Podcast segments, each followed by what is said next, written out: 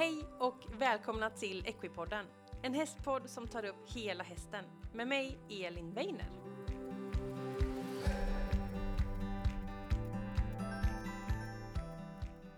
Så härligt med onsdag igen och ett nytt avsnitt av Equipodden som jag har längtat att få släppa det här avsnittet. För när jag spelade in det här så var jag i Ja, det är så bra. Det är bara så bra. Så jag kände att det här ska bli så kul att få släppa och nu är det dags.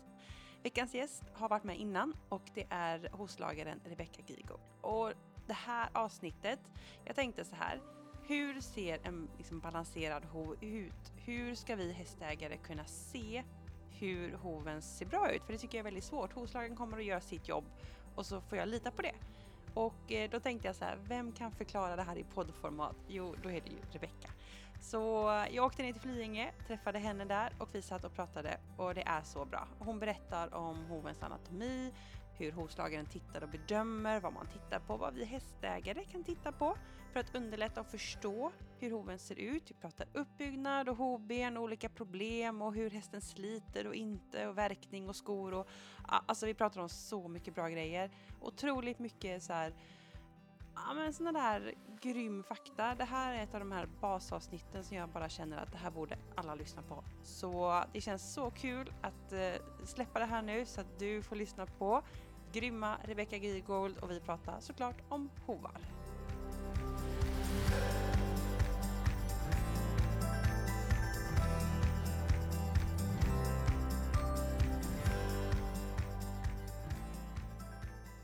Då är vi på Flyinge med Rebecca Gigold. Hej Rebecca!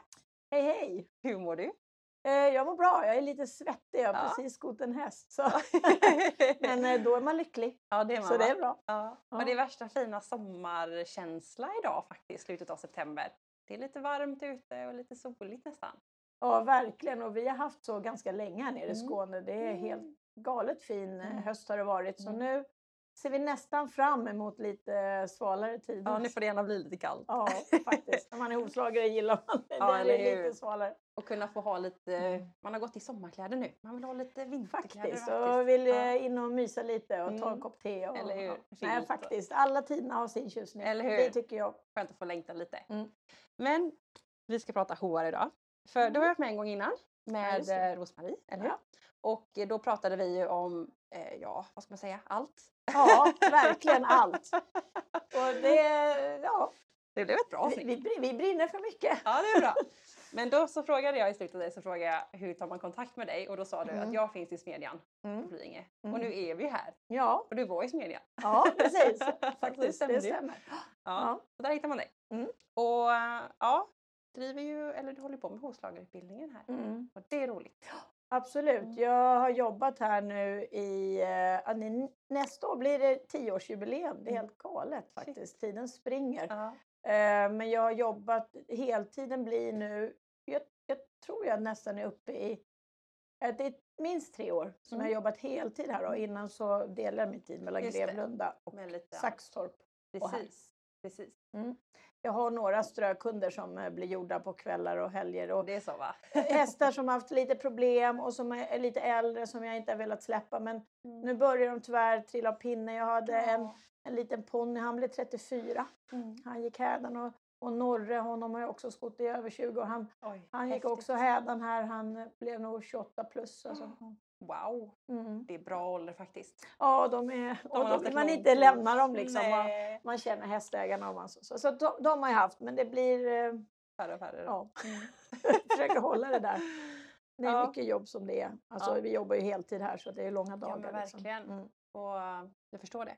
Mm. Och vi ska ju göra, försöka oss på att prata om hur en hov ska se ut. Japp.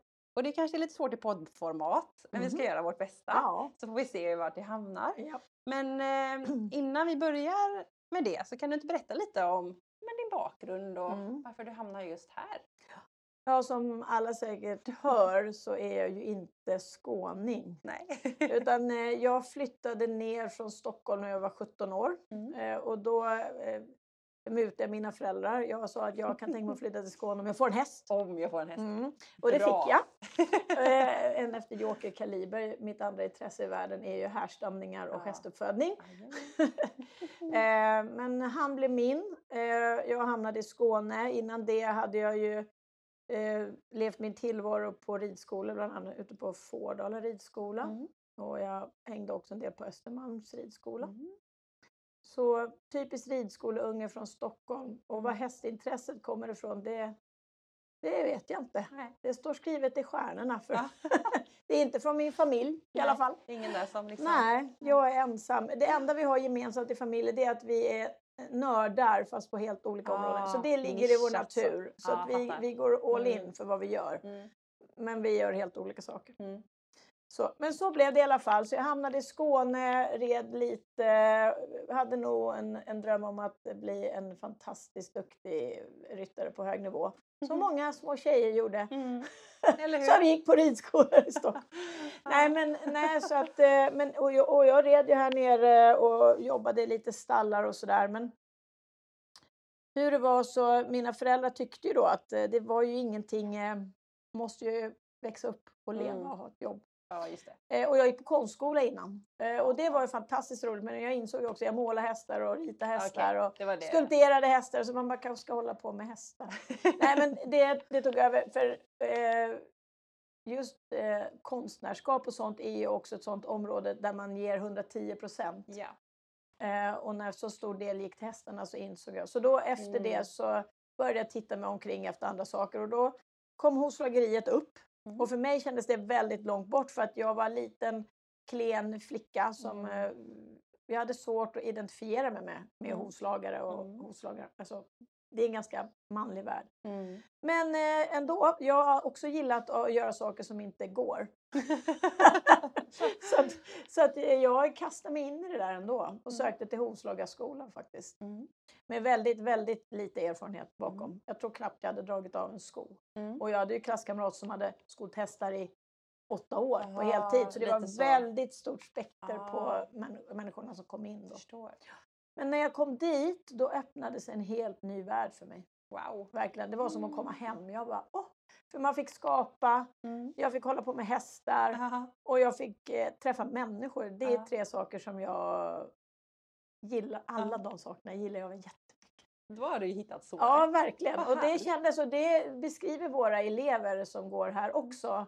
Att, att man, man tar av. Mm. Alltså man kommer hit och man kan absolut tycka att det verkar kul och man, man vet ju inte vad som förväntar en. Men Mm.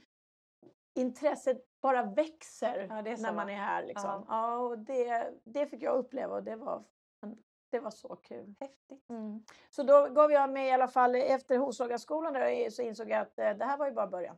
Jag behövde lära mig mycket mer. Från början hade jag tänkt att jag skulle bara sko lite och fortsätta min fantastiska ryttarkarriär som inte fanns. Ja, Men i min, eh, min fantasi fanns den. Ja. Eh, men då insåg jag att det var inte verkligheten. Mm. Så, eh, men, men däremot så insåg jag att det fanns så mycket mer att hämta och Mm. utveckling i mitt yrke. Mm. Så då började jag åka med kompis. Jag tävlade en hel del i smide och Mm. åkte runt på smidestävlingar och hamnade i Kanada på Hovslagar-VM. Calgary. Wow. Fick kontakter där. Vi bjöd över, vi anordnade clinics, den här kompisen och jag. Eh, och det slutade med att jag hamnade, hamnade i England Mm. och fick göra min utbildning där också. Mm. Eh, och träffa fantastiska hovslagare. Coolt. Ja, Ja. Det är mitt mål att bli hälften så bra som dem. Jag jobbar på det. Du är på väg. Ja, jag Ja. kämpar på. ja. Ja, nej, men det är faktiskt kul. Alltså, jag tror eh, att det är viktigt att det där med att eh, eh, målet är ingenting, resan är allt. Alltså, Mm. man måste få acceptera det Mm. och få vara där man är liksom. Mm. Eh, Och inte slå sig blodig för det utan Mm. få veta att det finns alltid. Det är ganska tryggt att veta att det finns alltid någon som är kanske lite bättre än en. Ja men faktiskt. Eller hur? Ja. Det, Annars blir det lite sådär, alla andra jagar mig. Ja, exakt. Mm. Och, och, och, och, det blir att man eh, ska leva upp till en sån omöjlig situation. Och det, det kanske är så att jag är bäst på en liten situation just den dagen. Just det. Men nästa dag så har jag kanske en dålig dag och en Mm. annan situation, då är det någon annan som är lite bättre. Så att just det där med vem som är bäst, Ja. det är skönt att komma bort från det. Ja Liksom. men faktiskt. Mm. Ja. Jag tror att det gäller i hela hästvärlden. ja. Och så har du varit här då Mm. i typ tio år. Ja, och sen så kom jag ju hem från eh, utlandet och sen eh, blev, jobbade jag hos en annan hovslagare Mm. till att börja med. Och Det är inte så vanligt att man är anställd hovslagare. Mm. Eh, flyttade tillbaka ut på Österlen av en ren slump. Eh, Mm. Lärde jag känna Lisen Pedel eller träffa på dem. Mm. Eh, och började jobba med deras hästar och där fick man ju en del uppmärksamhet i och med att Ja, just det. Ja, Ja. och eh, faktum var att när jag började sko där, då var ju Lisen den stora stjärnan Mm. och åkte på OS och, och så vidare. Och Mm. Peder red ju på en lägre nivå. Mm. Eller lägre, han red på en SM-nivå. Och ehm, eh, ja, så vi, vi växte upp ihop höll jag på att säga. För häftigt. att, eh, jag hade inte skotestat så många år när jag började så, men jag, Mm. jag hade ju ett brinnande intresse. Mm. Jag visste att jag tog, jag tog alltid hjälp av duktiga andra hovslagare. Mm. Och vi hade alltid ett bra sätt att kommunicera på. Mm. Och jag tror att det är Det är därför viktigt. det har funkat så himla bra för oss genom åren. Fast jag själv då var, inte var så rut- rutinerad när jag började hos Mm. dem.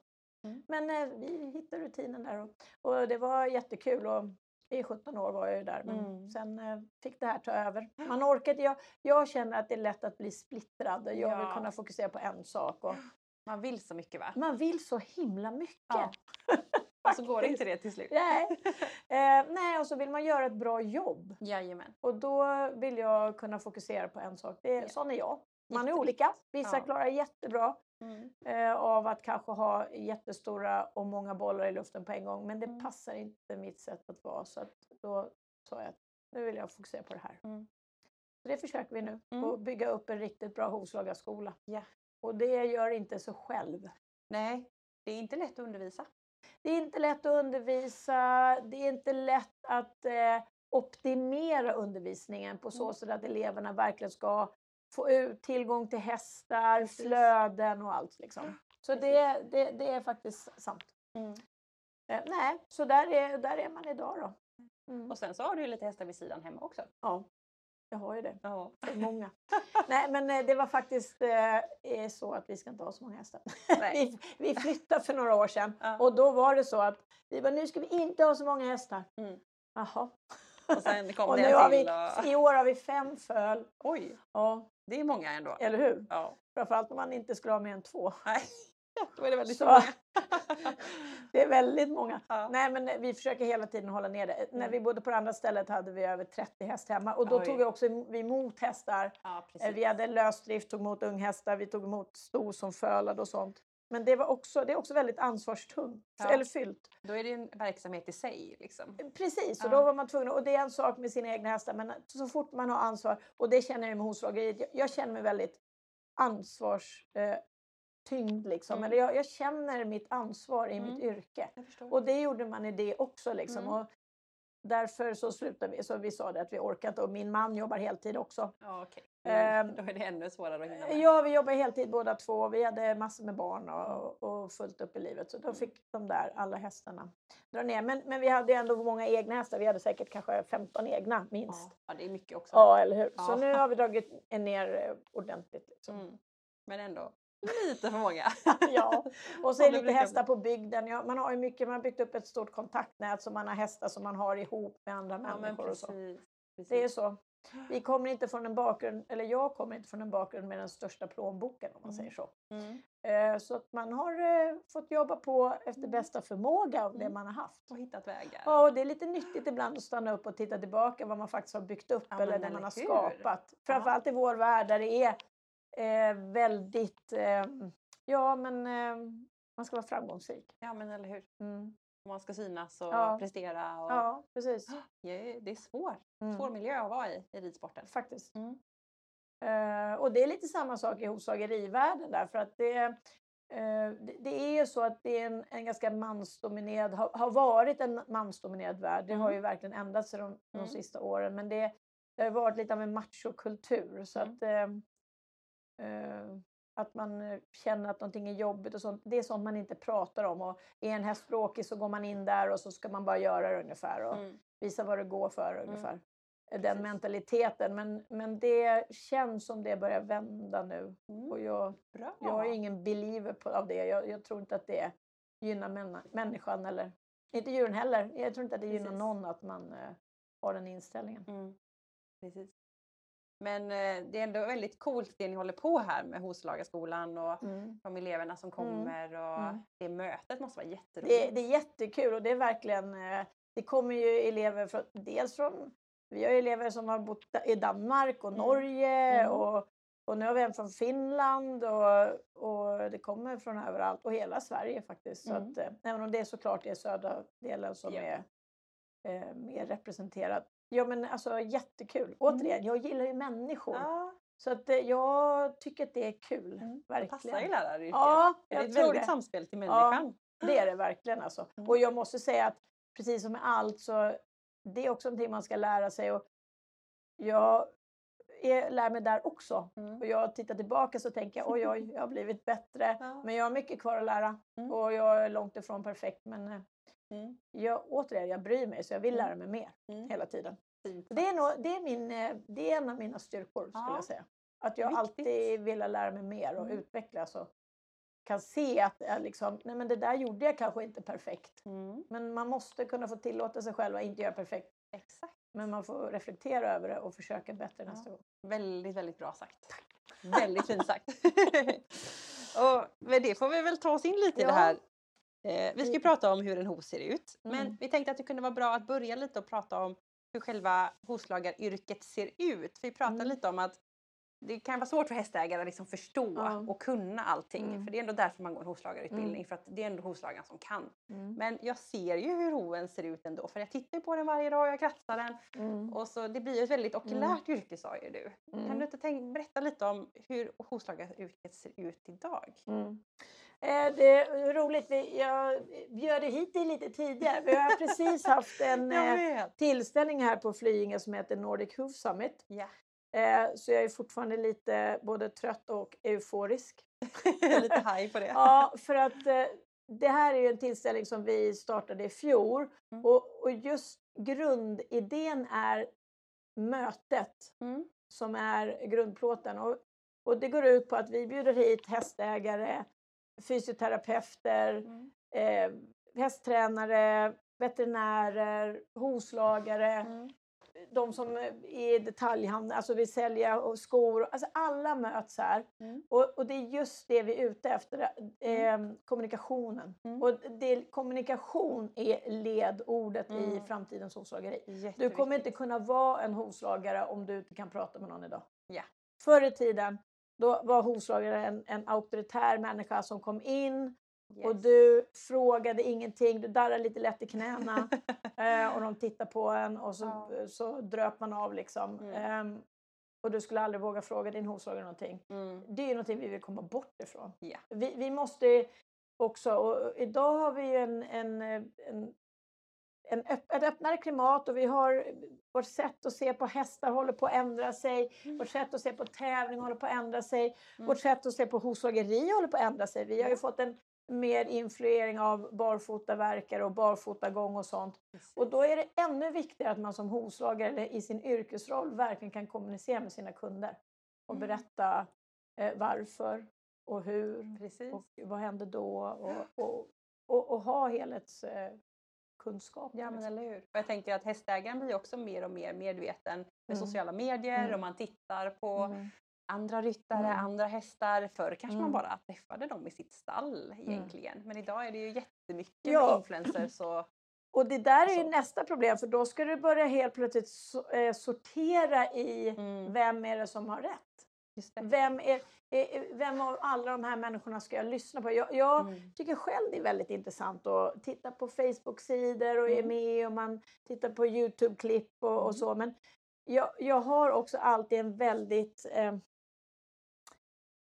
Alltså jag, en kritiskt granskande av den informationen. Jag, jag försöker att inte svälja allt jag ser liksom och, Mm. och, och ta någonting med hull och. Men jag kan absolut ta med det i min, min, min tankeverksamhet och bearbeta det och sen så när det kommer ut i andra ändan så kanske det är något annat. Men då sitter jag ju ändå med all den kunskapen som jag gör.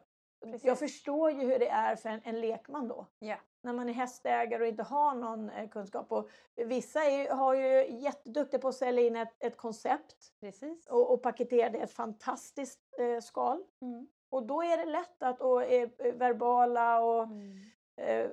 Retoriska och då är det lätt att dras med i någonting Yes. som man... Precis. Mm. Och lite att man ser den här toppryttaren kanske berättar jag gör så här eller Ja, jag gör så här och tänker så- man åh, då ska jag också göra det. Fast det funkar inte riktigt så va? Nej. Det är inte så enkelt. Nej, men jag tror att jag, i, i, vårt samhälle som vi lever så måste eh, de professionella ta tillbaka sin roll på något Just det. sätt. Alltså det, vi måste ha människor som eh, har en djupare kunskap. Mm. Eh, I hovslageri kan man ju faktiskt ta ett, ett bra exempel på det här med, vi har ju alltid haft hästar barfota, alltså Mm. det, det är ingen i världshistorien som har velat sko en häst utan anledning. Jag menar, de första eh, krigsherrarna eller de som började nyttja hästen och som började sko dem gjorde ju inte det för skojs skull. Nej. Utan det var bara för att de fick inte hästarna att funka. De har ju uppenbarligen blivit halta eller ömfota eller någonting. Och för att de skulle kunna nyttja dem så har de börjat med det här. Precis. Men med det sagt så var det väldigt, väldigt många hundra år sedan Mm. man började med det här.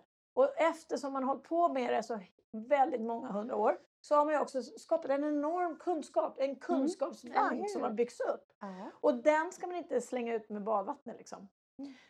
Eh, och det kanske det är en sak som man ska tänka på i det här med barfota. Det är ändå de hovslagare, en, en, en liten anekdot är att hovslageriet från början, hovslagarna var de som skötte den veterinära delen. Mm. Så veterinärutbildningen startade senare Nej. än vad, vad hovslagarutbildningen, i- som till exempel i England, eh, Coolt. startade. Mm.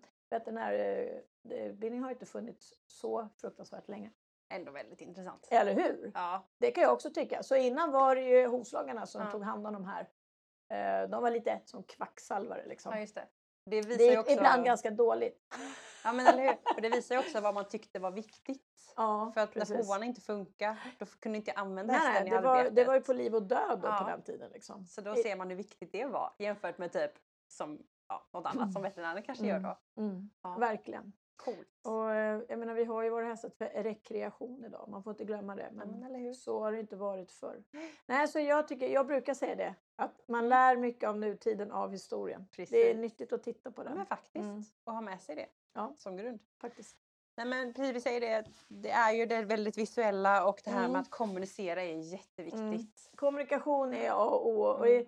Eh, s- som eh, idag att vara en modern hovslagare, och de har ju helt andra förutsättningar än vad, eh, vad vi hade. Men idag kan du ha din... Eh, eh, du kan, du kan föra din bokför, eh, sköta din bokföring på papper, du kan skriva Precis. journaler.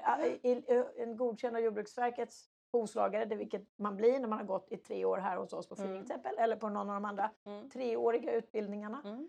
Eh, då, är du, eh, då är du ålagd att skriva journal till Precis. exempel. Ja. Men idag har du ju datorer och, och telefoner och Eller sånt man kan hur? göra det på. Skriva Ja. fakturer. Ni vet det här med att Mm. folk inte får betalt, det har varit ett stort bekymmer för. Och det, det, det, man byter kontanter och sådär. Och Mm. vi kommer ju mer och mer från det. Mm. Eh, men men ehm, man jobbar på ett annat sätt. Ja men verkligen. Och det Och- blir ju bättre. Ja, absolut. Och, och, och, man, och, och, kunderna har mer frågor idag faktiskt. Det är bra. Ja, jag Man tror vill. också det. Ja. Men det gäller att kunna ge svar. Ja. Jag har en liten bra anekdot om det där faktiskt. Mm, Jag, eh. I början av min karriär så kom jag ut till en, eh, en kund och den tog jag över för att jag höll på att bygga upp min verksamhet. Så att jag fick den kunden av en kollega som eh, skodde vårt område som hade Mm. för mycket. Mm. Det är oftast ett väldigt bra sätt att få nya kunder. Det är Ja. oftast eh, genom kontakter och Mm. igen, man Mm. pratar. Men ehm, kommer ut till kunden och kunden säger att den ville absolut inte ha ehm, eh, sidokapper på sin häst Nej. bak. Nej, så jag, jag hade bara sidokapper. Så det var bra med den saken. Eh, så, men, men jag varmskodde ju och jag hade skor och jag hade min Esha så jag kunde lätt göra om en framsko till en baksko. Det är inget konstigt Mm. för en hovslagare. Mm. Så att jag smidde om en framsko till en baksko Mm. och hon fick sin tåkappa. Eh, och en av orsakerna då var att hon, hennes, hon hade fått lära sig av sin hovslagare att då fick de hjärtformade hovar och de blev ihoptryckta. Och hon förklarade då att det var inget bra. Okej, så jag. Då är det Ja. väl så. Jag lyssnar på kunden. Men det fick mig att tänka. Så när Ja. jag åkte därifrån då tänkte jag varför har inte alla mina hästar hjärtformade bakhovar då? Jag ska ju med sidokapper hela Det tiden. borde vara massa hjärthovar hos Ja, dig. eller hur? Ja. Alla som jag sett med. Så det, det fick mig att tänka och när åtta veckor hade gått och jag åkte tillbaka till henne då Ja. hade jag tänkt färdigt. Ja. Så då förklarar jag för henne att jag eh, tror att det där du har upplevt med de här hjärtformade hovarna eller andra hovslagare kanske har gjort det, att det är en, en, ett, ett hantverksmässigt fel. Alltså man har inte anpassat skon på ett korrekt sätt och man har inte anpassat sidokapparna på ett korrekt sätt. Mm. Och så vidare. Så jag förklarar noga för henne liksom. Men, men jag sa inte att hon inte fick ha sin tåkappa bak. Mm. Men då tystnade hon. Ja. Och så tittade hon på mig och så sa hon, vet du vad? Du gör precis som du vill. Åh, Så efter det så brästes skon med sidokappor, blev Ja. inga hjärtformade hovar och Nej. jag hade den kunden i minst 20 år. Eh, vi hade ett jättebra samarbete. wow. Eh, ja, Ja. och hon... Eh, men där ser man istället för att bli arg Ja. och säga att nu ska det vara så här. Så lyssnar jag på henne. Och jag, eh, hon, jag är jättetacksam mot henne. Mm. För hon fick mig att eh, eh, sätta ord på varför. Liksom. Mm. Så det var jättebra. Jag uppskattar när kunder ställer Mm. frågor eller... Sen kan man göra det på ett Precis. trevligt sätt. Ja, men eller hur? Det är, också jätteviktigt. Att, och och det, jag kan förstå frustrationen hos vissa hovslagare där, där kunden kommer och dikterar för dem hur de ska göra. Och det, Mm. det är såklart eh, inget, det är inget klokt sätt som Mm. kund. Så det kanske man ska tänka på när man kommunicerar med sin hovslagare. Mm. Att det är ändå hovslagaren som har eh, generellt sett en större grundkunskap i, eh, Precis. i, i yrket. Liksom. Precis. Så att man inte behöver inte trampa folk på tårna för den delen. Liksom. Exakt. Och så är det ju med allt i Eller hur? Eller, eller Ja. all Ja, kommunikation med andra all människor. kommunikation. Verkligen. Mm. Ja, men Mm. gud vad kul att höra. Mm. Men, Nej, det har verkligen ändrat sig. Jag har också något minne från när jag är liten när, jag, när mamma har med sig ett kuvert och lägger i en brevlåda med pengar till hovslagaren som skulle komma mitt på Mm. dagen. Och, Mm. ja, det, det var länge sedan. ja. Nej, det har ändrat sig jättemycket. Och det, Mm. som sagt var, idag, vårt yrke i Sverige, utlandet är det ju inte så, men i Sverige så är det ju mer kvinnor som, Mm. har, eh, som har tagit över rollen som hovslagare. Det är häftigt. Ja, och jag tror att eh, en av de, styrkorna att vara en kvinnlig hovslagare är att man generellt sett har kanske lite lättare för att kommunicera med, med, Mm. Med sina kunder då kanske. Precis. Mm. Ja, vi får se fortsättning på det. Ja. Men nu ska vi försöka prata om hur en hov ska se ut Ja. då. Och då pratade vi lite innan och då sa vi att det kanske är bra att börja med hur den är uppbyggd. Ja. För det är inte bara det här hårda yttre. Nej, det, det är väldigt lätt att tro när man, när man tar i en hov Mm. och, och håller på med den så får man ju känslan av att den är rock solid. Liksom. Mm. Den, är, den är hård och den består av, den är uppbyggd av horn, det yttre laget är horn. Mm. Eh, och man tror att den är solid. Liksom. Precis. Men det är ju inte hoven. Hoven är ju allt annat än solid. Den är väldigt... Eh, den har en viskoelasticitet. Alltså den är rörlig hela hoven. Ja. Med det menas att den har en förmåga att ändra sig och flyta ut eller föra iväg åt olika håll. Eh, men den kan också förmåga att gå tillbaka. Det är bara det att det tar tid. Mm. Det händer inte på en gång. Nej, Det är inte som att eh, trycka i en vattenballong så trycker man in och så när man släpper så åker det ut igen. Mm. Utan det, eh, förändringar i hoven tar lång tid och det är därför det kanske inte syns så tydligt för ögat. Utan det är någonting som man kan tycka att en häst hovar ändras eller så. Det gör de.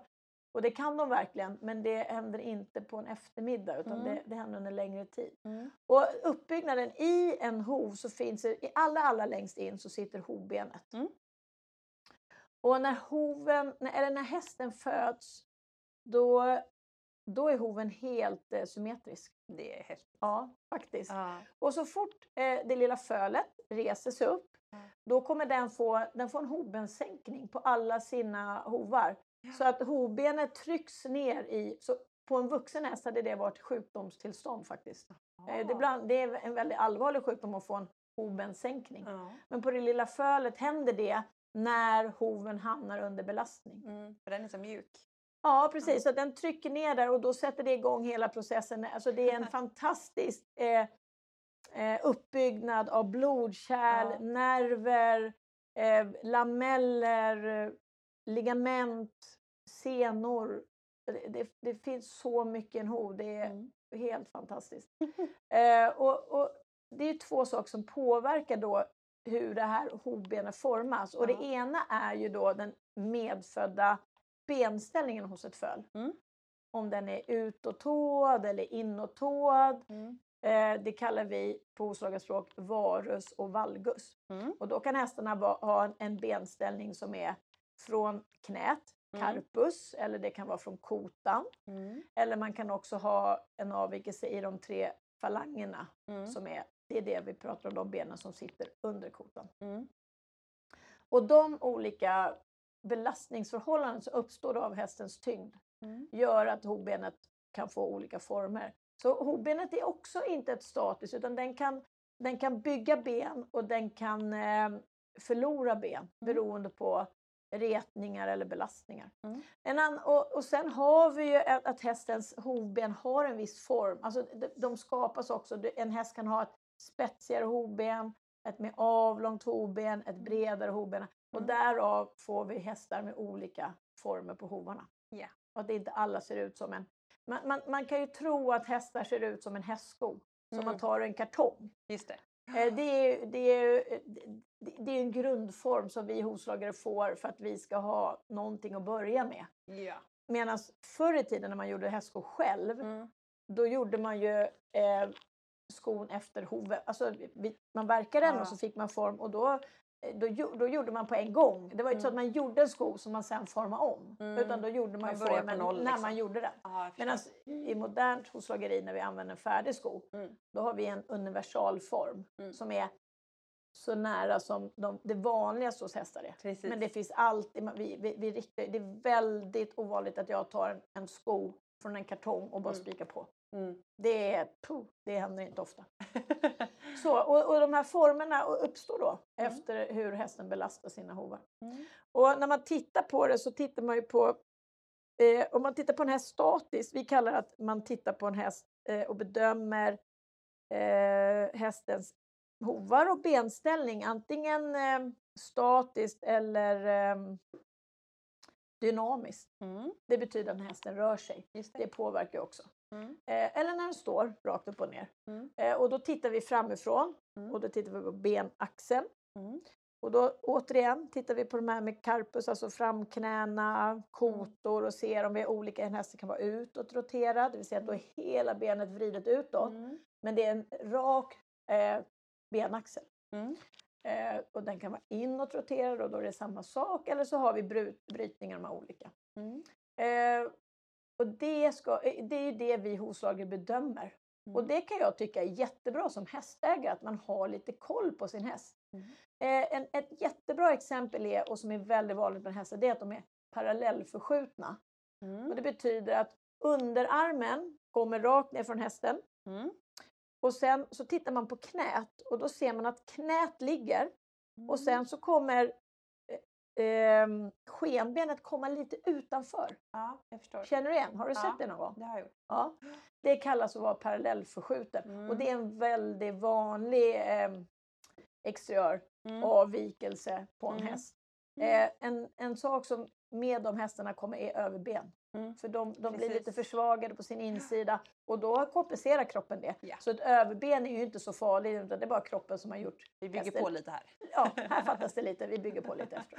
Så det är oftast, man kan ha otur och få överben som växer in i, Ja. i fästen på gaffelband och sånt. Men, men generellt sett, och, och eh, de kan bli ömma av dem i början när så man slår på. Men, men generellt sett är överben inget farligt för. Mm. Men, men eh, parallellförskjutning är en sån här bra sak som man kan titta efter när man, Mm. har, eh, när man är hästägare. Mm. Eh, och då återigen tittar man ju framifrån. Sen kan man också titta, och det här är en väldigt viktig sak, det är att man tittar från sidan. Att du tittar på hästens tåaxel kallas det. Just det. Och det är ju en, eh, en, en, en väldigt viktig bedömning, så den använder vi oss av mycket. Mm. Eh, och även framifrån såklart. Men, men vi hovslagare tittar på tåaxeln och då vill man ha en från kotan på Mm. hästen, rakt igenom benen, falangerna Mm. som är nedanför kotorna, ner igenom hoven så vill man ha en rak linje. Mm. Och har, vi, har man eh, en häst som eh, är framåt bruten, det vill säga att man har en vinkel som går framåt ungefär vid kronanden, Mm. då har en häst som är framåt bruten och det, i det extrema fallet blir det ju en bockhov.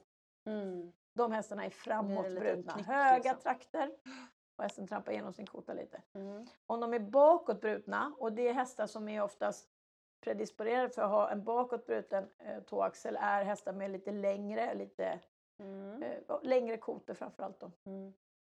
Och få lite låga trakter för de trampar sig ner och, och hela Ja. hoven kommer lite framför Glider hästens hela tyngd från Ja, bogen liksom, rakt ner. Ja. Och då tenderar de att belasta sina trakter mer. Mm. Och när man belastar någonting för mycket, Mm. då slutar det växa så mycket. Just Så därför, och, och dessutom nöts de mer mot Mm. skorna. Mm. Medan tån, som inte är så hårt belastad, den kommer vilja vä- växa iväg. Så det skapar äh, mer tå och mindre trakt. Eh, och då får en, en häst som är bakåt bruten. Mm.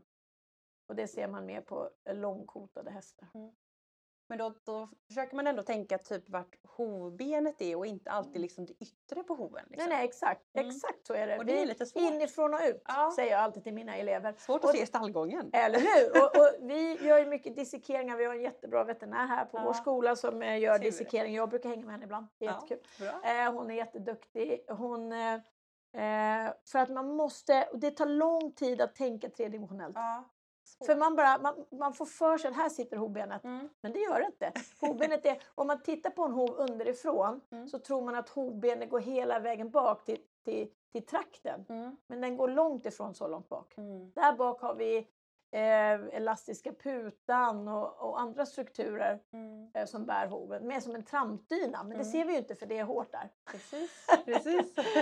Eh, så att det är inte ben under hela hoven. Nej. Det ska man ta med sig. Och det här med att, varför vi tittar så, varför tåaxeln är så viktig. Det är Mm. inte bara för att det ska vara fint eller Mm. liksom att vi tycker det, utan det handlar om att he, hela hoven bygger upp, eh, byggs på att de, eh, de är kontraproduktiva, alltså de håller varandra. Mm. Till exempel djupa böjsenan Mm. går ju på baksidan av hästens ben och den Mm. går in. Vi har ett strålben som den löper runt. Det är Mm. väldigt konstigt. Där, där har vi eh, um, senskidor och vi har um, bursor som håller och ser till att det är, ska vara friktionsfritt. Mm. Men den slutar ju in ner i hovkapseln Ja. och fäster in under hovbenet. Mm. Om man drar ett rakt streck uppåt Mm. så kommer du hamna på tåsträckan.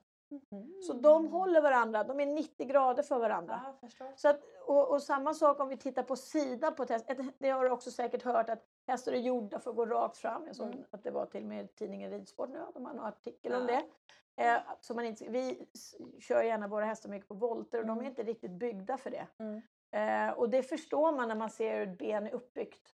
För att de har ehm, dels hur lederna är uppbyggda. Mm. Att de, att de, de är inte gjorda för eh, vi har leder som kan, som kan rulla åt, olika, åt alla håll. Ja. Medan deras leder är eh, det är en fåra i och de ligger i varandra. Man ser att de ska, de ska bara gå åt ett håll. Liksom. Ja. Kotan är ju den som är mest sån. Ja. Eh, kronleden lite mer rörlig åt sidorna. Eh, hovleden är den leden som, som tar, kan ta, gå mest åt olika men den är ändå inte särskilt rörlig, rörlig då. Det vi kallar mediolateralt, det vill säga Ja. från insidan till utsidan. Eh, så, och, därför, och för att hålla allt det här på plats ännu mer, lederna hjälper till, men för att hålla det ännu mer på plats så har vi eh, kollateralligament. Och det kanske du har hört talas om. Det är ju en sån här det var en sjukdom som knappt fanns när jag började sko hästar. Det var ingen som kollateralligamentskada. Det, Nej. är väldigt många som har talas om idag. Ja. Och då bara, va? Det, nej. det pratar man inte. om liksom. Eh, Så att det, det måste jag säga, sen jag började sko hästar så har vi fått väldigt många fler diagnoser. Mm. Exakta det. Förr hette det att de hade strålbenshälta. Det är ju en enorm samlingsbegrepp. Mm. Idag pratar vi om låg palmarhälta som betyder att palmar är bakre delen av hoven. Ja. Så vi har smärtor från den bakre delen av hoven. Vilken sorts smärta, vilken, Ja. vilken struktur som skapar den framgår det inte. Och det är egentligen bättre. Mm. Eh, för, för innan så, så trodde man att det var bara strålbenet men så var det många gånger inte fallet. Utan Precis. det är alla strukturerna runt om. Det finns så mycket. Liksom. Det finns så sjukt många olika små eh, strukturer som blir på, Mm. påverkade. Och hovkapseln är, de, de delarna som är nere i hovkapseln, de, de är lite svåra att komma åt. Ja. För att de är, det är inte så lätt att se dem, inte för veterinärerna heller. Mm. Men MRI och sådana saker har ju underlättat. Och ja. De har lärt sig också bli duktigare på ultraljuda ner i hoven och så har fått Mm. nya prober som kan gå igenom. Och, Mm. Mycket att tänka på. Du, det är det. Och ju mer man lär sig desto mindre kan man. Eller hur? Då inser man ja, det också. Ja, och det, och det, och det, och det, och det. och det. Ja. Så är det. Men då måste ju hovslagaren göra den här bedömningen innan Ja. man ens Ja. lyfter hoven då. Ja, så när jag kommer in och ska sko en häst Mm. och eh, det är samma. Det här kan ju en hästägare göra också. Mm. Så titta på er häst. Eh, vad har den? Och när man kommer till bakben, det, det, är också en ganska intressant sak att vi glömmer lite att hästar har fyra hovar. Mm. Man tittar gärna på frambenen och så Ja. bara, jaha, var det två ben där bak var- också? Och, och de är ju väldigt viktiga. Vi, Ja. vi vet ju att hästar bär 60% av sin tyngd på sina framben. Ja.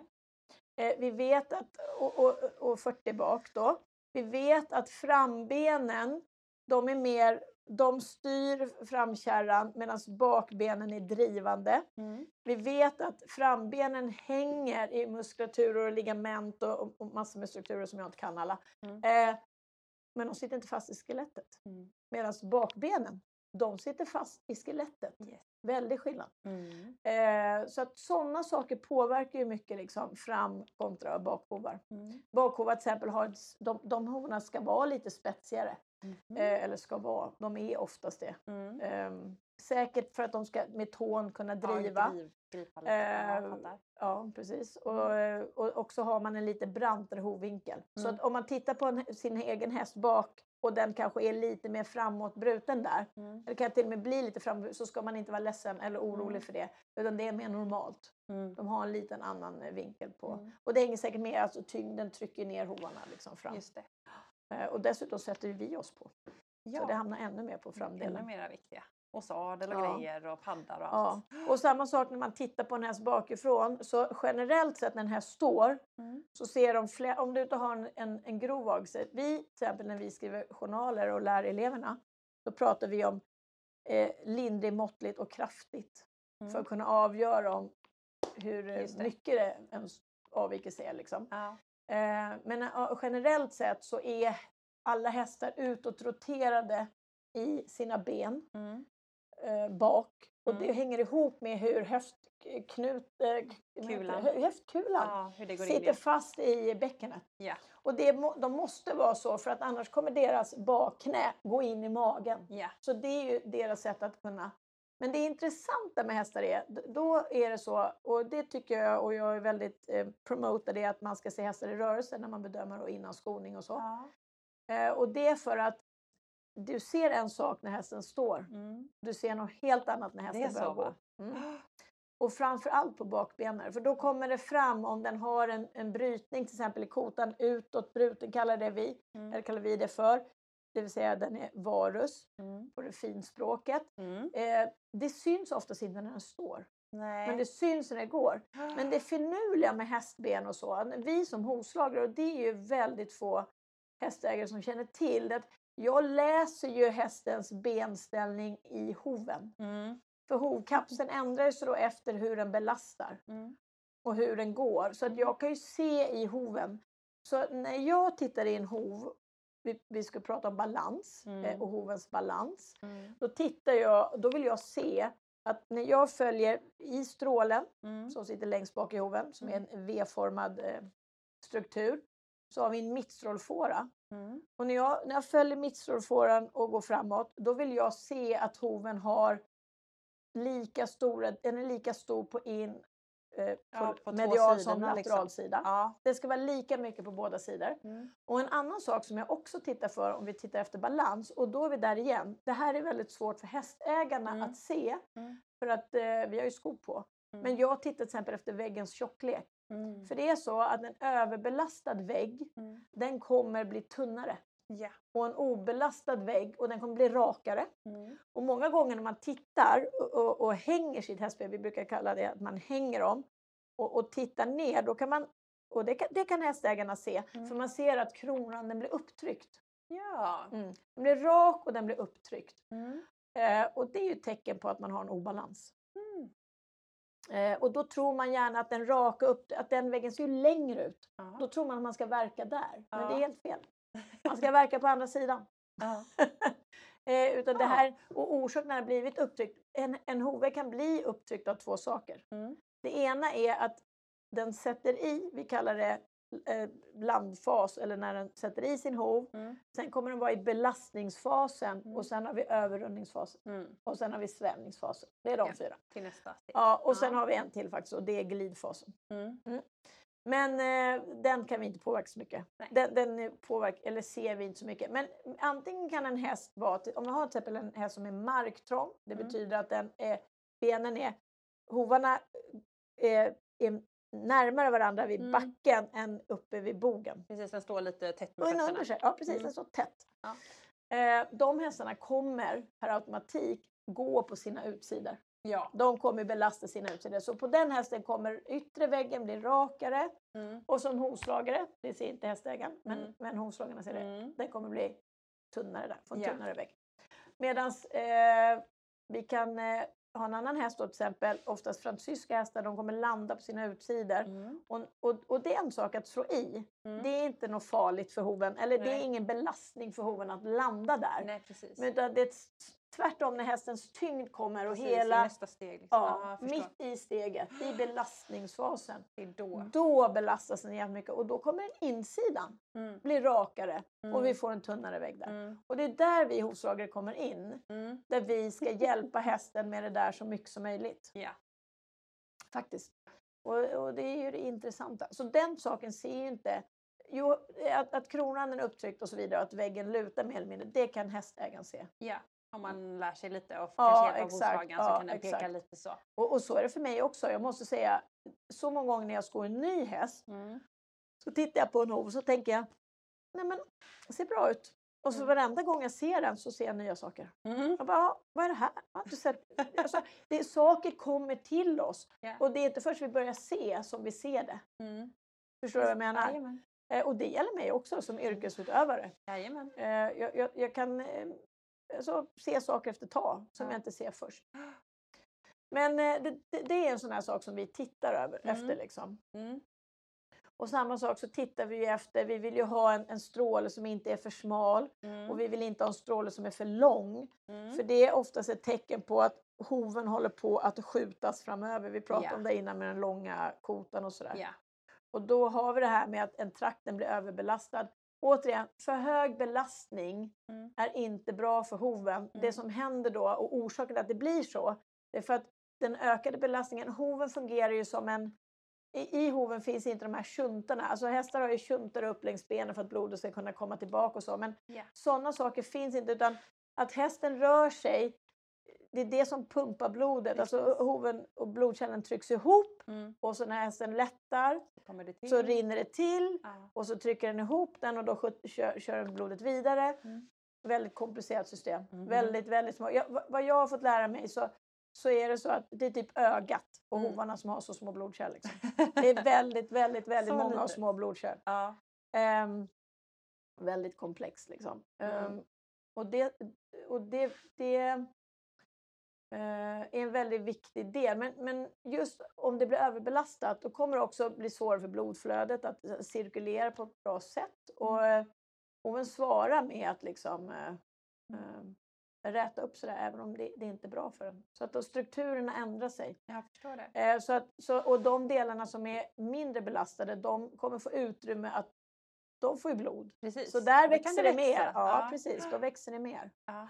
Det är lätt att tänka tvärtom, där det är mycket ska ta men att det Mm, man får Nej, men man till. blir, man blir, man blir, det, det kan vara lite förvirrande det där faktiskt. Så det gäller att... eh, Och, på, och, och tvärtom då på en bockhovshäst till exempel som Mm. står på tå. Mm. Och en sak som vi pratar om också om vi nu ska gå inifrån och ut så är Mm. det det här med hovbenet som det alltid faller tillbaka till. Ja. Allt handlar om hovbenet. Mm. Och hovleden som sitter inne där som är också återigen väldigt komplex. För där har vi ju tre ben som möts. I hovleden så har vi ju hovbenet Mm. och så har vi eh, kronbenet och så har vi strålbenet. De sitter ihop och, och, och, och formar en struktur där som är Mm. Som, de är väldigt hårt belastade. Alltså man får Ja. det är väldigt små ytor med väldigt stora hästar och när man Mm. börjar galoppera och det springs fort så, så är det en enorm belastning på det. Häftigt att de Ja, klarar alltså man, man Tänk vad evolutionen har gjort. Ja, faktiskt. Men det är också en... eh, De har gjort, häst, eh, evolutionen har gjort hästarna extremt snabba Mm. eh, eh, med tanke på sin storlek och sådär. Mm. Men det har ju ett pris också för det Mm. är också känsliga strukturer. Ja. Så de är ju utsatta. Jajamän. Så det går typ svänga så gör oftast det Mm. ordentligt. Liksom. Det är inte, de, Mm. är, de är känsliga. Ja. Så det, Men då måste jag fråga, för jag, jag tänker så här att ett ben ser ut som ett ben. Alltså jag har ju visst DNA som gör att jag ser ut på Mm. ett visst sätt Mm. och hur eh, strukturer Mm. sådär. Men om jag har en häst och äger en häst och rider en häst så Mm. belastar jag hästen på ett sätt. Mm. Om jag till exempel skulle byta min ridstil eller om jag säljer hästen och hamnar hos en ny ryttare som rider på ett helt annat sätt, kommer det påverka hur hoven ser ut då? Det gör det? det skulle jag säga. För att eh, vi, vi som hovslagare, vi kan ju också använda olika skor och Mm. eh, vi manipulerar. Vi brukar säga det att om, om du har en människa Mm. och så har den ont någonstans och så säger sen du måste göra de här övningarna, då kommer du Precis. bli bättre. Mm. Och då gör du det, gör ont i början, men du Ja. kommer bli bättre av det. Det kan Precis. man aldrig säga till en häst. Nej. Nej, för de kommer vara, jag har ont här, jag står inte här. Ja. Eh, så vi måste, vi måste locka hästar. Mm. Och det är då, då pratar vi, det, att, att ortopedisk skoning eller remedial shoeing kallas det på engelska. Mm. Att vi med hjälp av skon och skons placering och olika åtgärder kan få en häst att kanske börja jobba med sin kropp.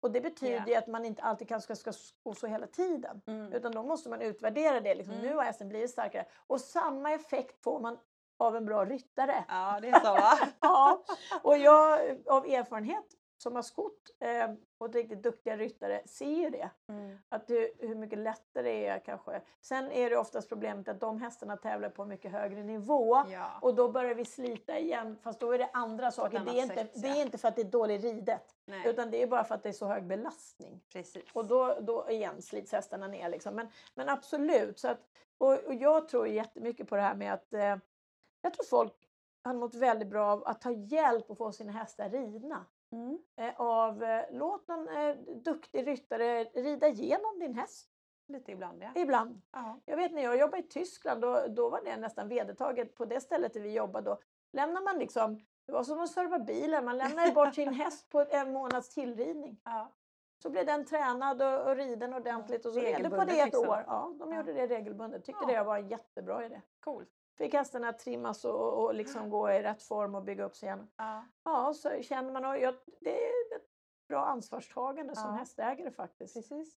Nej, Det är en lite unik kultur i Sverige att vi köper Ja, och, och gör allting själv. och gör det ja, själva. Ja, vi ska göra allting Jag hade med eh, en, han som är i landslaget för reining, han sa det till USA, du köper ingen unghäst. Nej, Utan det är ju en tränare Ja. som utbildar hästar Ja. säljer man en färdig Ja. häst, varsågod. Det precis. händer ju inte i Sverige.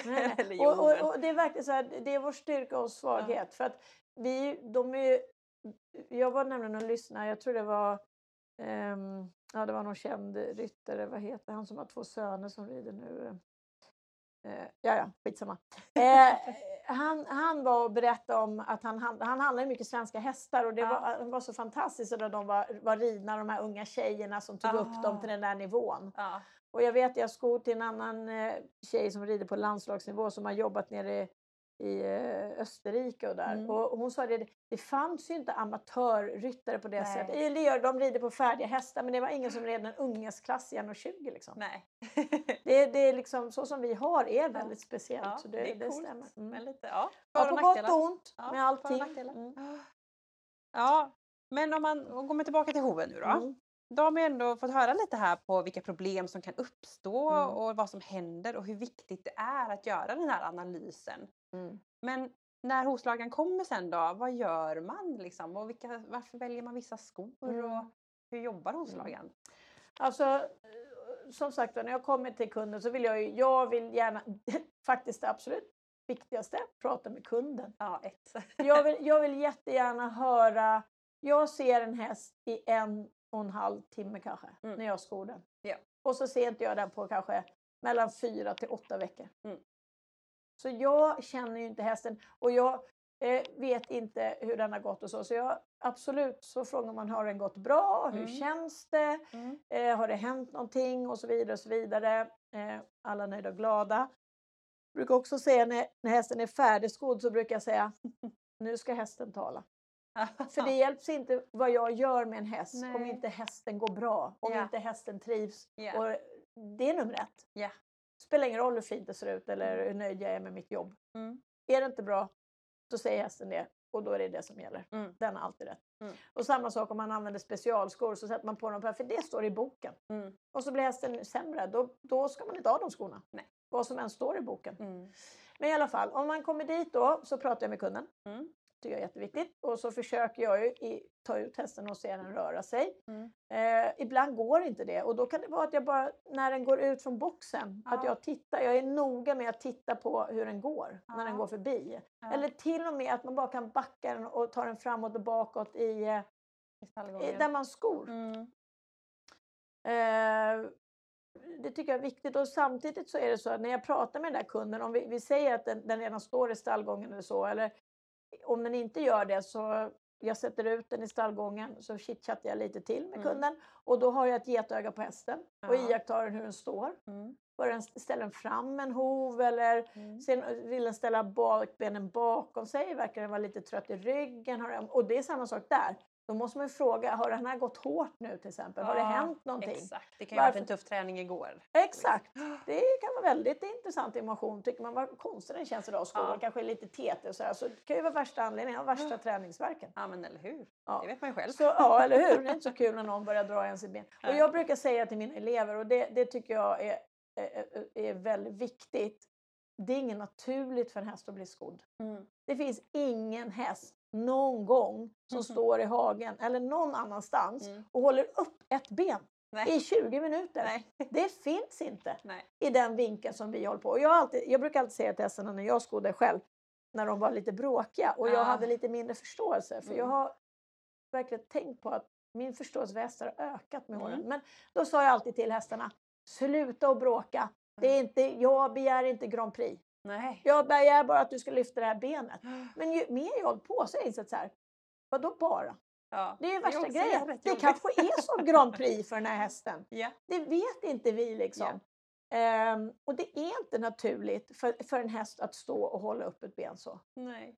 Nej. Och för vissa är det inget problem, men för andra är det fysiskt mycket jobbigare. Och vi, idag vet vi så mycket mer om eh, olika muskelsjukdomar hästar kan ha Ja. eller eh, ana, eh, inte anaboliska men, men metaboliska störningar som säkert påverkar hur de mår och Ja. känner sig i sina kroppar. Så jag måste säga att jag har, fått, har mycket mer förståelse och funderingar över varför hästar, Ja. de, de gör inte saker för att dumma, Nej.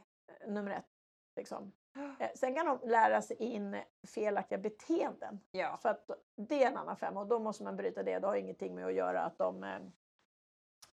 Eh, men ofta så grundar det sig, de kanske har haft ont och så har de kommit, haft ont och så har de kommit undan med en sak och så har de bara, oh, det här funkade liksom. ja, men eller hur. Så som vi funkar liksom. Ja, eller hur. Men, men det, det försöker jag göra, så jag försöker iaktta hästen medan jag, och är det så att jag ser en häst som till exempel ställer fram en framhov Mm. hela tiden.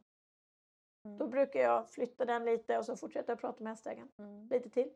Eh, och ställer den sig likadant igen då. Mm. Då börjar jag så här, Nej vad är den här? Då måste vi kanske Mm. kolla upp där och fråga hästägaren då liksom, hur känns det? Mm. Och så vidare och så vidare. Så jag brukar försöka ta mig tid att iaktta hästen innan jag börjar sko den. Mm. Lite viktigt. Ja, faktiskt. Och sen eh, så börjar jag sko den och då är man ju observant på hur det känns i benen och så när man lyfter och, och så vidare. Och, och går det bra så, så går jag vidare ner i hovarna så jag tar av skorna och rensar rent. Mm. Och rensa rent handlar inte om att karva bort halva hoven utan det handlar om att eh, man tar ut, det heter att sulan exfolierar. Mm. Det vill säga att den flagar av. Det känns igen. Jag vet inte hur många samtal jag har fått från kunder som säger Åh min häst håller på att tappa hovarna, det, den lossnar. jag bara oj, men- det är naturligt. Ja, sulan ska exfoliera. Det ska Ja. man vara glad när ens häst Eller hovar hur? exfolierar. Ja. Ja, så att eh, det, då skrapar jag bort det lösa hornet som sitter där. Och då passar man ju på att titta om man hittar några röter eller om man Ja. ser någon eh, kvarleva av någon hovböld. Eller... Men det är viktigt att man ser till att för det som händer med hornet är att det kan liksom vika sig och då är det lätt att det kommer in lite grus eller någonting och då Ja. kan det komma in en bakterie eller en, Mm. eh, ja, oftast bakterier, anaeroba bakterier som inte... i Hoven är det är väldigt syrefattigt. där, Så de Precis. gillar de inte syre då trivs de där. Ja. Ja. Så det är viktigt att man eh, pillar och, och kollar så att det, det inte finns några ställen där de kan fastna på. Mm. Liksom. Men för övrigt så ska man låta hovkapseln vara så bra som den är, eller hel och låta de strukturerna vara som är där. Ja. Ja, och så verkar man hästen och då använder jag ju de här eh, bedömningssätten då att titta framifrån, jag tittar när den har gått. Men Och det jag- gör, då tar, du tar av skon först och ser liksom? hur- Absolut. Och Mm. eftersom hoven är plastisk Mm. så har man en sko som har legat lite snett. Det, det kan Ja. säkert eh, lyssnarna känna igen sig på. Ni vet ibland man har haft en tappsko. Ja. Så har den böjt upp en traktarm. Ja. Och sen när de kommer så, så, så, så är det hoven ändå. Det är ingen luft. Det är hov på båda sidorna. Jajamän. Och då är det det här med den plastiska. Då har den, då har den liksom dels släppt ner hoven på den sidan Mm. och eftersom det inte är något tryck där Mm. och det kommer fram till Ja. inget tryck, växa mer. Ja. Så då har den vuxit ner där. Mm. Och då, då får man oftast lite dåligt samvete som hästägare för man kanske inte har sett det. Man bara oj. Oj då. Ja, precis. Men eh, de, de har ju en toleransnivå. Vi får inte glömma Nej, det. Alltså, det är inte så att... Eh, eh, jag brukar ta det som exempel att, eh, att hovar och hästar är lite som... Eh, ni vet om man går på IKEA. Mm. Då finns det en sån här som bara våra lådor går att dra in och ut 10 000 gånger och så har de en maskin som går så här. Mi, mi, Ja. mi. Ja, fram och tillbaka och de visar på hur fantastiskt det är. Och det, så funkar en häst. Alltså Mm. en, en häst som är rätt ihopsatt och allting funkar som det ska. Den, den funkar ju i oänd- väldigt länge tills den också blir uppsliten. Men, men Ja. väldigt länge. Kanske ja, eh, x antal år. Ja. Men om du sätter den där lådan lite snett Precis. då är det ju inte så att inte du kan ta in och ut den lådan. Den Nej. kommer fortfarande gå att dra in och ut. Men Ja. efter 5000 gånger så börjar den kanske bli lite kärvare. Ja, och efter precis. 7000 gånger då bara, då sätter den sig. Ja. Eller samma sak om du har en liten spik där. Så Mm. kommer du dra den där lådan och så kommer det bli ett litet jack. Ja. Och så kommer det jacket liksom bli större och större efterhand du drar. Och det är lite så funkar det med hovar också. Vi, eller jag som hovslagare är ute efter att sko hästen plus minus noll. Mm. Så att jag inte påverkar den mer än nödvändigt. Mm. Eh, men jag kan inte träna upp en häst och jag kan inte, det är massa saker jag inte kan göra men jag kan ge hästen förutsättningar att bli tränad Just det. som jag brukar säga. Precis. Vi, vi ska se till att den inte bryts ner snabbare än nödvändigt. Mm. Det är, vårt, det är mitt mål Ja men precis. med en skoning. Liksom. Ja. Och så har vi lite små knep och knop och hjälpa till med det. Som Mm. vi så pratade om eh, eh, att, man, att man kan gymnastisera en häst igen och, och manipulera dem att vilja gå på ett litet sätt så att de stärker sig. Precis. Liksom. Precis. Och som bara behövs under en period. Stötta behövs- lite där och lite där. Ja. ja. Eller om man har en avvikelse, ett, ett jättebra... eh, om- Om en häst är varus, det vill säga att den är hjulben till exempel bak. Ja. Så, och är den det på ett ben så kommer det benet komma in under dens eh, kropp för Mm. mycket. Och då kommer den tappa kraft för bakbenen är ju som en fjäder som går upp och ner Ja. som ska fjonga iväg liksom. Mm. Men om, man kan ju föreställa sig att man har en fjäder som är böjd. Mm. Om du trycker ihop den, då Mm, kommer den bara fjonga utåt. ut. Ja. Det finns ingen kraft kvar. Ja. Men om vi då till exempel hjälper den hästen att ge lite stöd på utsidan Mm. och den, då kommer vi hjälpa den att istället för att fjädern böjer sig utåt Mm. så kommer den kunna trycka ihop det och så Ja. får den kraft i det benet. Det är Så sådana saker kan vi hjälpa till med som hovslagare. Ja. Då inser man hur mycket kunskap man behöver ha som hovslagare. Ja, absolut. Och, och, och, men för mig kommer också in det här, för då kommer nästa fråga som är eh, Hovslageri är ju väldigt ovetenskapligt. Mm. och det gör det väldigt, väldigt, väldigt svårt. Ja. Ehm, och då måste jag återigen kommunicera med min hästägare. Känner du någon skillnad? Ja, Eh, just Känns det. det här bra? Har jag gjort för lite? Har jag gjort för mycket? Jag har Mm. så många saker som jag hela tiden måste ta hänsyn till. Mm. Och, och, och då kommer det bara in tanke på det jag försöker kontrollera.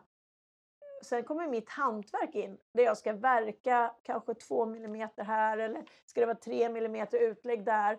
Och sen ska jag kunna nå upp till det. För jag Ja. kanske tänker så här, jag ska göra det här. Mm. Men jag kanske inte lyckas. För jag är inte bra nog på mitt hantverk. Precis. För det, är ju också det är ett hantverk. Mhm. Mycket hantverk. Ja. Och det försöker jag eh, också säga till eleverna, att man delar upp det. Att de måste lära sig att tänka, först pratar vi om hantverket, det är det första man lär sig. Mm. Hur man spikar i en spik, Mm. eh, söm, som det heter. Eh, hur man gör en nit, hur Ja. man planar en sko. Ja. Det är hantverket. Ja.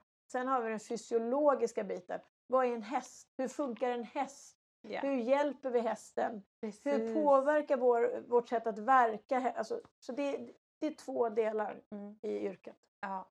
Som får växa tillsammans. Som måste växa tillsammans. Ja. Och vissa människor är väldigt duktiga på det ena Mm. och har svårare för andra och andra är kanske lite sämre på det Så, Ja men precis. ja. precis. Mm. Men det är ju, det hamnar ju i att hästen ska funka. Det hamnar, jag. och så Ja. länge som möjligt. Precis. Faktiskt. Jag, när jag ser väldigt vingbenta hästar ibland så, tänk, så jag brukar jag säga att den här hästen är också häst, men Ja. inte lika länge. Nej. Och det, det är ju tyvärr där vi hamnar. Och det är därför man kanske ska titta på just med benställning. Sen, sen är det ju olika, vissa, vissa hästar springer på väldigt sneda ben eh, längre än vad man skulle kunna tro. Mm. För att de har fantastiskt mindset och, och, och hjärta. Och sen finns det andra hästar som inte gör det. Ja. Eh, men det är därför vi ska försöka kanske både avla och, och ehm, eh, vara noga med när vi väljer djur då, om man ska köpa sin häst. Precis. Och det måste jag ju verkligen säga att det rekommenderar ju att man tar eh, kanske hjälp av, om man känner sig osäker, pra- om man ska köpa en ny häst, Mm. be hovslagen titta. Det är också himla bra Mm. faktiskt. Eller hur? Ja. kolla över hovar. Ofta så är det så att vi, de, många veterinärer idag har ju skrivit ner om de ser någonting. Men de är som sagt var veterinärer. De Och har så det- mycket annat också. Ja, faktiskt Mm. alltså. Mm. Så att, ehm, och de ser de stora avvikelserna. Mm. Men Mm. absolut. Är man osäker, prata med veterinär. Precis. Eller vad säger jag? Med hovslagen. Och det är så fint, för nu har vi pratat på i över en timme. Mm. det är att vi landar ju liksom när hovslagaren har gjort sitt jobb så är det ju hästen som på något sätt ska berätta för ryttaren hur det blev. Och då måste ju ryttaren sen komma tillbaka till hovslagaren och ha kommunikation. Ja. Det vill vi prata om först. Mm, absolut. nej, nej, men det, och det är, en, det är en pågående process. Ja. Och det är inte statiskt. Man har skott hästar. Jag, jag vet själv att jag kliar mitt, mitt, huvud och tänkt liksom. Jag har ju skott den här likadant och så börjar det hända saker. Till exempel, jag kan ta ett bra exempel. att Om en häst till exempel får spatt eller börjar få ont i sina haser till exempel. Mm. Då är det ganska vanligt att de börjar slita sina utsidor. Mm. Och då blir man, om jag ser en sån häst, jag börjar den slita sin Ja, utsida. och det, jag, jag förstår inte vad som händer. Liksom. Jag kan ta ett annat bra exempel på det där. Jag, jag skodde till en kund och jag hade skott både pappan och mamman. Jag kände till hästarna väldigt Ah. väl Ja. eh, och de fick ett barn som jag också skodde. ja. Eh, och den eh, tror jag slog på första skorna när jag var tre, fyra år. Ja.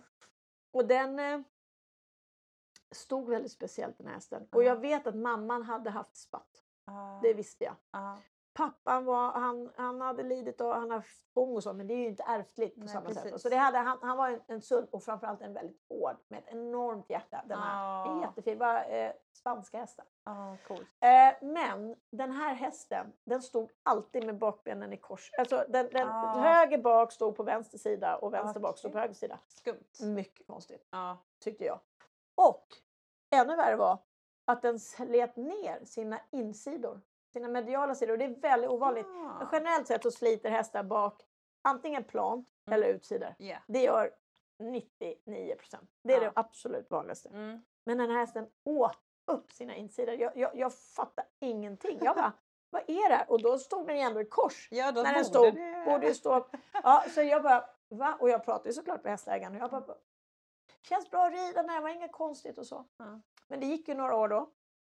Och när- vid sju, åtta års ålder då, då började de känna av liksom att den hade lite svårt att flytta sig sidvärts och sådär. Alltså när Ja. träningen ökade, det är ofta Ja. så, det är då det kommer. Då kommer det. Ja, Mm. och um, det slutade med, och jag var ju så här, ja men det är nog, den har nog spatt. Mm. Men det var inte så, brukar de inte slita, för spatthästar brukar slita utsidan då. Mm. Eh, men de åkte iväg och röntgade hästen och den hade, hela ryggen var ihopvuxen. Som i hela ryggen. Ah, Nej men gud vad konstigt. Ja. Och då bara känner man bara, oj. Där var det något ja. Ja.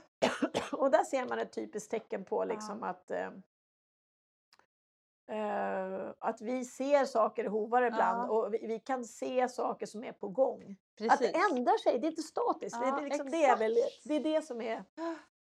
Och hästen börjar ombelasta sig, det börjar hända grejer i kroppen och så leder det till... Ja, det är så häftigt. Faktiskt. Ja, Rebecka, vilket jävla avsnitt. Ja, precis. Alltså, det- Hovar kan man prata om i Ja. all oändlighet. Så cool. Alltså det är så mycket bra grejer som Ja. du säger som man kan ta Kul. med sig från Ja. det här. Så Mm. det här kändes jättekul. Ja. Men vi måste börja runda av nu. Nej. Ehm. Och om man tyckte det här var intressant, för jag, jag vet inte, jag har, mass, jag har så mycket tankar nu. Jag måste bara samla mig. Om man tyckte det här var intressant, Mm. då kan man ju kontakta dig va? Går Eller följa jättebra. dig. Hur gör man då? Eh, alltså då eh, kan man höra av sig till Flyinge. Och som Ja. sagt jag är ju i Smedjan mer Ja, eller mindre alltid. Jag hänger någon dag i veckan är vi också på Bollrups naturbruksgymnasium för vi har Mm. en liten filial där. Det är bra. Så vi eh, skor eh, och verkar och alla Bollrups hästar. De Mm. är, ett hundra, de är ungefär hundra. och jädrar, är de så många? Ja, Ja. så det får våra elever göra. Mm, Så vi perfekt. hjälper dem också. Det är jättekul. Ja. Så där blir det att jag är ibland också. Så det, Mm. men det går att nå mig också om man vill nå mig på Messenger eller Ja. så. Så jag är, jag är Du- inte sån. Du är... Hovar gillar jag. Ja. Nej, och jag måste säga att jag kan tycka att eh, vill människor så lära sig mer om har frågor så har man ju, måste man ju få kunna Ja, svara men på eller det. Hur? Ja, Eller hur? ja. Annars får man, Man ska väl dela eh, med sig. få komma in på skolan här. Det går jättebra. Man är så också. välkommen. Ja, det är så kul. Ja, men tack så jättemycket Rebecka för att du ville vara med i podden igen. Ja, det var jättekul att få vara med igen. Ja, vad roligt. Ja, tack så jättemycket.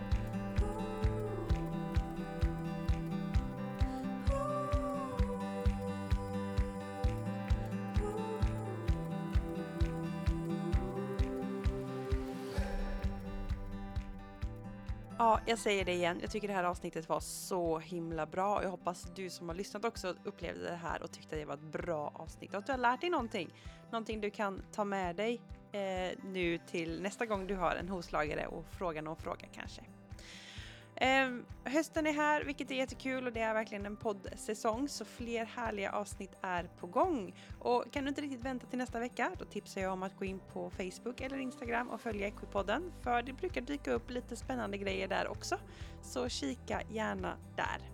Och eh, så länge så får jag önska dig en fantastisk vecka så hörs vi snart igen. Hej då!